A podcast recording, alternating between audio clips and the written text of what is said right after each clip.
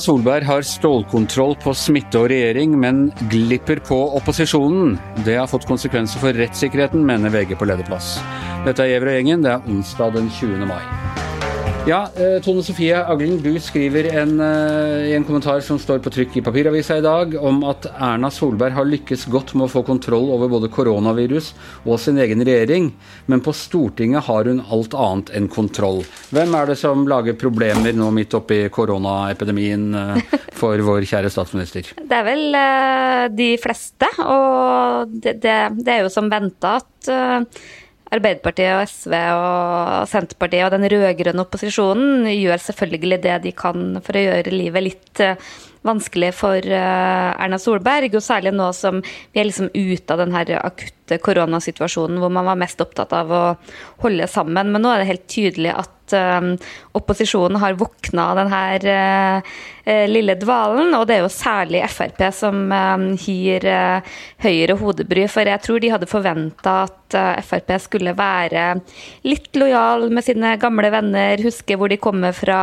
og, og være på en slags en slags samarbeidspartner på Stortinget, men denne uka har vi til fulle fått sett at at, at eh, Frp er opposisjon, kanskje enda mer opposisjon enn eh, en resten. Og sakene kommer jo på løpende bånd eh, denne uka her. Og de har altså slått seg sammen med altså Dette må være en av de bredeste politiske alliansene på en god stund. Det er altså Fremskrittspartiet, Senterpartiet, SV og Arbeiderpartiet. Uh, ja, vi, ser, vi, ser, litt sånn mange allianser om dagen. Den første vi snakka om, er jo den her firebanden, som er Ap, SV, Senterpartiet og Frp, som er litt sånn uh, litt uortodoks. Og det var ganske tydelig at verken Rødt eller MDG har kommet helt inn i den varmen. Men så har de jo lært seg den kunsten å telle til 85, da, og de trenger jo faktisk ikke å ha med f.eks. SV. Uh, og, og, nå ser vi det at, uh, at det er litt sånn ulike flertall. Du ser at den firebanden de har jo gått sammen i, i krisepakkeforhandlingene. De har uh, nå sendt tilbake den her domstol eh, saken, som vi skal snakke mer om etterpå. De har sendt tilbake langtidsplan for Forsvaret, men, men inni det her så kommer det stadig nye uventa konstellasjoner opp, f.eks. på bioteknologi.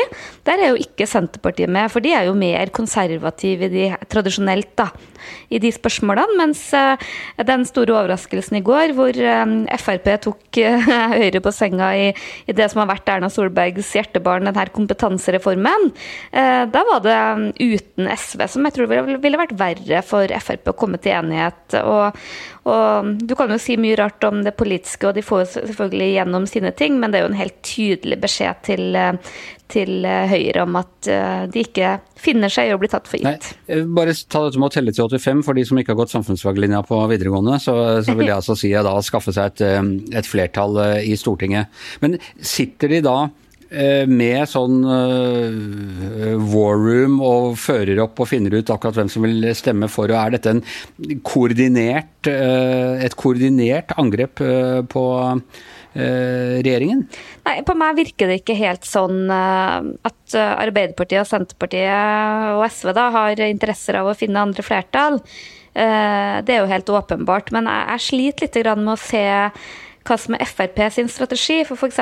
på domstol eh, utvalg, eller den, eh, den, reformen om domstolene, så er jo det noe som har vært Frp sitt store prosjekt i regjering. Og at de plutselig har snudd der og kanskje liksom danser etter Senterpartiets pipe. På meg virker det mer som at uh, noe de gjør for å, for å være vanskelig med regjeringa, mer enn av overbevisning. Mens på den saken som kom i VG i dag om kompetansereformen, så er jo det jeg tror de kunne blitt enige med regjeringa på et kvarter om det her, men det, da var det et veldig sånn tydelig eh, beskjed til Høyre om at eh, det oss kan dere ikke stole på når dere oppfører dere sånn. og En veldig sånn tydelig markering, da, og det sier jo også Roy Steffensen i Frp, som er leder for utdanningskomiteen også. Et litt sånn stikk til Erna om at de er så opptatt med med pressekonferanser og dansevideoer eh, at de glemmer å forankre eh, sakene sine i Stortinget. Og der har de et bitte lite poeng, men så har du også nå om dagen nesten litt sånn smått absurde situasjoner hvor KrF da prøver jo å berge stumpene av denne bioteknologisaken eh, sin. Da har jo de fått, sannsynligvis fått noen sjeler med seg fra Frp, som gjør at de ønsker å få full sal i Stortinget for å liksom plukke enkeltrepresentanter. Da. Og det har jo vært Sylvi Listhaug og Kristian Tybring-Gjedde som de kanskje har fått napp hos. Men samtidig så driver nå KrF og sonderer Som du kaller en egen Du kaller dem eh, Tybring-Gjedde og, og Sylvi Listhaug og et par til for en egen kohort? Ja, de er jo regna for å være liksom de kanskje litt mer sånn konservative, om du kan bruke et sånt uttrykk, i KrF.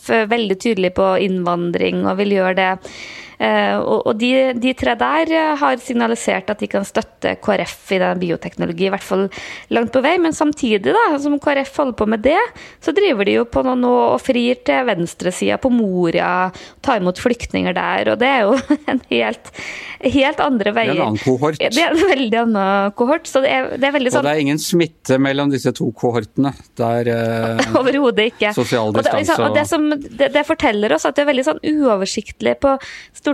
For i en normaltilstand så vil jo partiene være litt sånn drevet av allianser, lojalitet. Eh, at uh, Det er jo mange som ikke er enig med KrF i bioteknologi, men liksom det var liksom viktig for dem og f.eks. Venstre å være med på for å liksom binde det her sammen. Men nå virker veldig mye av det her i forvitring, slik at du kan få veldig mye sånn interessante uh, resultat. Og det er jo et uttrykk for at at uh, regjeringa har lite kontroll. De har nok ikke vært flinke nok på å bygge allianser og, og, forankre på Stortinget. De har nok vært opptatt naturlig nok med andre ting, hatt stor utskiftning i regjering.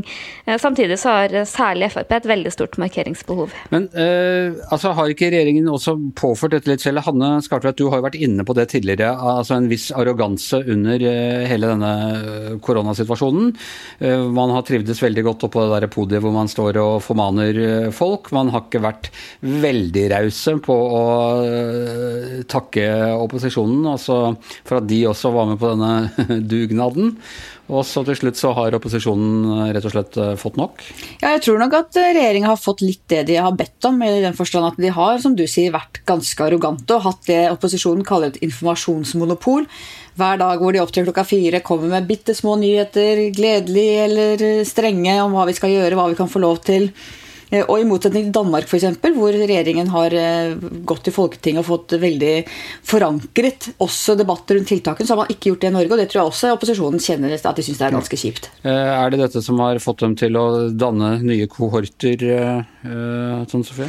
Jeg tror i hvert fall at det er litt sånn en del av bildet. For det er en viss misnøye med at Eh, at regjeringa har opptrådt relativt egenrådig. og Jeg tror alle skjønner at det har vært vanskelig for dem at de har hatt eh, en periode behov for å styre informasjonen, men jeg tror mange kanskje syns at det har gått litt langt da med de her daglige pressekonferansene hvor de helt åpenbart vil styre informasjonen sjøl. Det så vi jo veldig godt i den fotballsaken hvor Arbeiderpartiet pirka litt borti dem. Det tålte de overhodet ikke, og de kunne jo godt vært litt rause med å la noen andre partier uh, være med på noen av vurderingene. Så jeg, jeg, tror nok det handler litt om det, og, uh, i tillegg til de andre vurderingene partiene selvfølgelig gjør seg.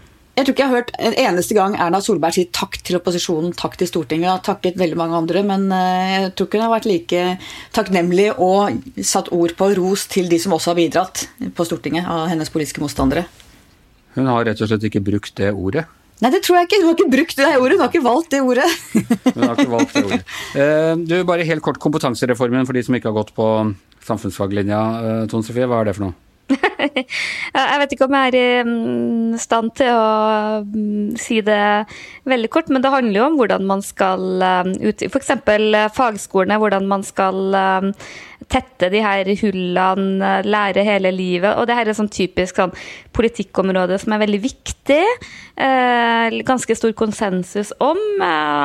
Eh, ganske vanskelig å spisse politisk. Eh, derfor så blir det ofte lite debatt, og liksom alle stiller seg bak det. Men her er det jo særlig å få mer til fagutdanningene og litt sånn til oljenæring, en del sånne ting hvor de, de opposisjonspartiene har liksom satt sitt stempel på det. Jeg bare tenker Tankene går tilbake til 90-tallet, hvor du hadde solidaritetsalternativet med Arbeiderpartiet, LO og dette trepartssamarbeidet, hvor man satsa veldig mye for å nettopp sørge for at arbeidsledigheten ikke skulle sette seg, og særlig ungdomsledigheten. Så opprettet man den gangen mange mange nye studieplasser på universitetene, eh, arbeidsmarkedstiltak, den type ting. Og dette er jo i samme, samme gate, nemlig det å sette i gang politisk initierte tiltak for å sørge for at vi ikke får en arbeidsledighet som setter seg i Norge. Det har vi klart å unngå eh, gjennom kriser tidligere, og det tror jeg alle politikere er enige om at det må vi klare denne gangen også. Ja.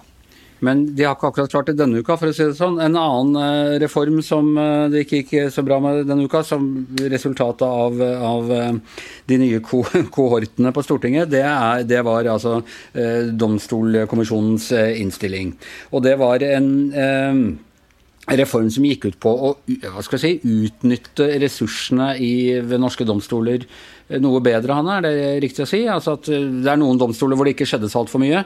Så ved, ved, å slå litt sammen og flytte litt på folk, så skulle man få en bedre ressursutnyttelse og, kortere køer før folk fikk sakene sine opp. og sånn. Ja, og Opprinnelig så ønsker man jo å legge ned en del tingretter og, og sentralisere mer i de store, stedene, store byene og tettstedene i Norge.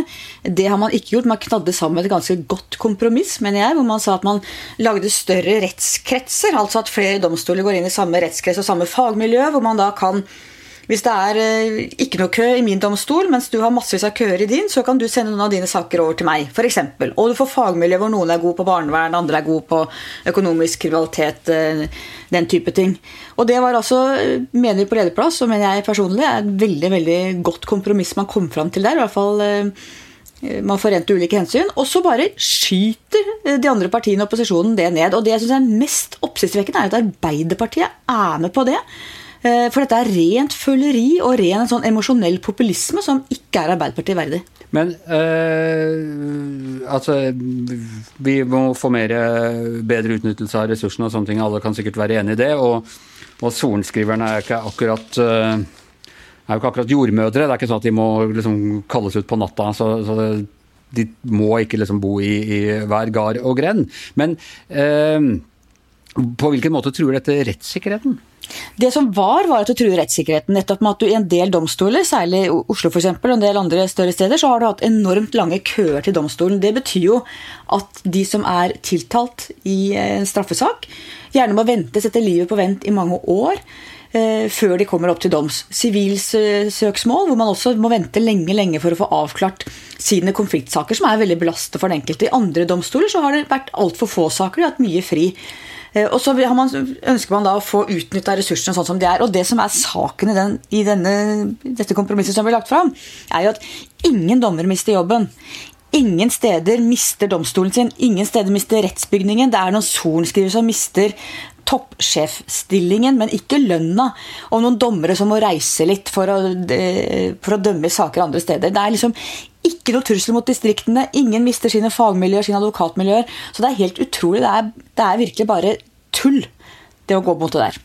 Men eh, Tone Sofie, du som har fingeren litt på, på, pulsen der ute. Er ikke dette typisk sånn som man sitter og vedtar i Oslo? Man skal ta fra Sitter de der sorenskriverne i de fine sorenskrivergårdene sine og skaper trygghet i lokalsamfunnet og sånne ting, og så skal dette sentraliseres og legges til byene, og, akkurat som med sykehus og lensmann i butikk og sånne ting. Det er vanskelig å selge inn disse reformene ute blant folk flest?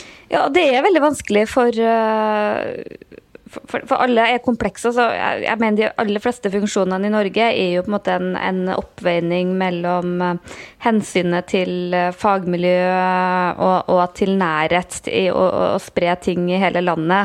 Men det som er det spesielle med regjeringa sitt forslag, var jo at når domstolutvalgene la fram sin innstilling, så var jo den mye, mye, mye mer radikal enn det enn det som regjeringa la fram. Det var jo på en måte et, eh, et slags kompromiss som har gått gjennom det der distriktspolitiske eh, brillene, og de var jo ganske skuffa over det ute i, i, fagmiljøene også. For problemet deres er jo det man har noen begrensa ressurser. og og en annen ting er jo at kriminaliteten er heldigvis ikke jevnt fordelt i, i, hele landet. Så du har jo en del miljøer hvor det, de nesten ikke har saker i det hele tatt. Folk bare sitter og nærmest tvinner tommeltotter, og det skal du på en måte være glad for. Mens andre deler av landet så er det lange, lange køer. Og, og, og det er jo, men samtidig så går man jo sånn automatisk og blir veldig redd for å miste fagmiljøet. det, det er en naturlig refleks, men eh, jeg tror ikke man har gått veldig dypt inn i det her, så må jeg bare sånn, et litt sånn lite hjertesukk til slutt. som er, Jeg er jo veldig opptatt av distriktspolitikk og skjønner veldig ofte den tilnærminga, men f.eks. når det gjelder politiet og alle de ressursene der. Bor jo på østkanten av byen, nærme sentrum. og jeg tror jeg, Den korte tida jeg har bodd der, så har jeg snakka med politiet tre ganger. At jeg har ringt til politiet pga. Uh, alvorlige hendelser jeg har sett eller uh, vært vitne til. Uh, og det har jeg vel aldri opplevd, heldigvis, i Trøndelag, bortsett fra at jeg måtte melde en sykkelstjålet en gang. Så det, det, liksom, det, er et eller annet med det der som, som, vi dessverre ikke klarer å fange godt nok opp når vi for, for, alle de diskusjonene der tar alltid utgangspunkt i at det, det, er synd på folk i distriktene, og det er de som mister. Men det er også noe med hvordan man bruker de felles ressursene. Og det gjelder både politireform og, og domstolreformen nå.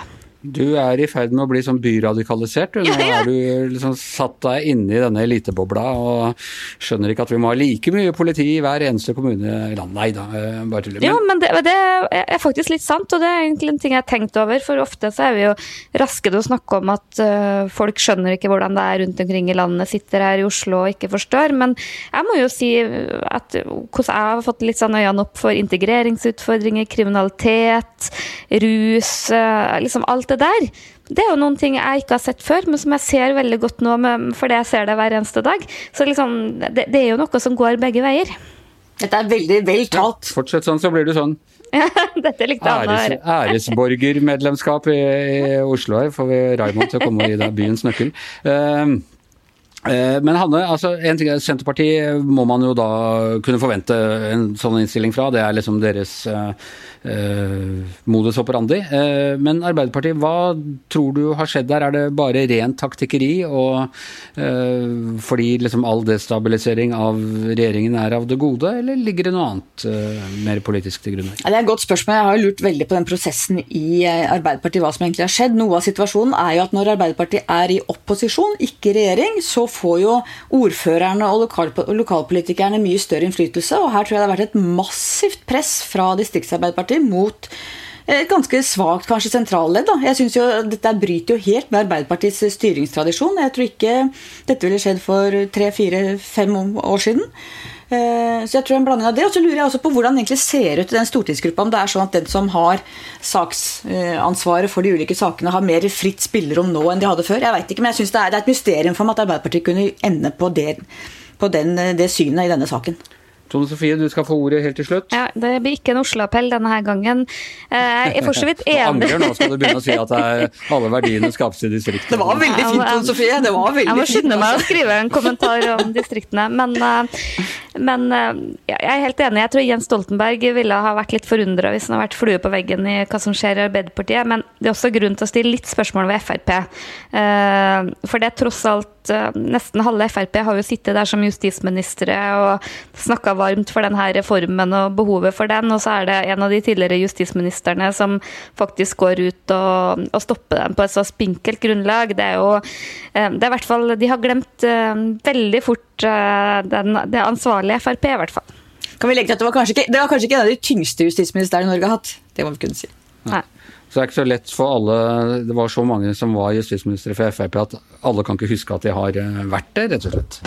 Eh, med det så tror jeg vi sier at eh, Giæver og gjengen er over for denne gang. Eh, I morgen er det Kristi himmelfartsdag. Da blir det ikke noen podkast. Jeg er tilbake med Giæver og Gjertsen på fredag. I hvert sitt hjemmestudio i dag Tone Sofie Aglen, Hanne Skartveit, Anders Giæver og vår podkastsorenskriver og produsent Magne Antonsen. Vi høres.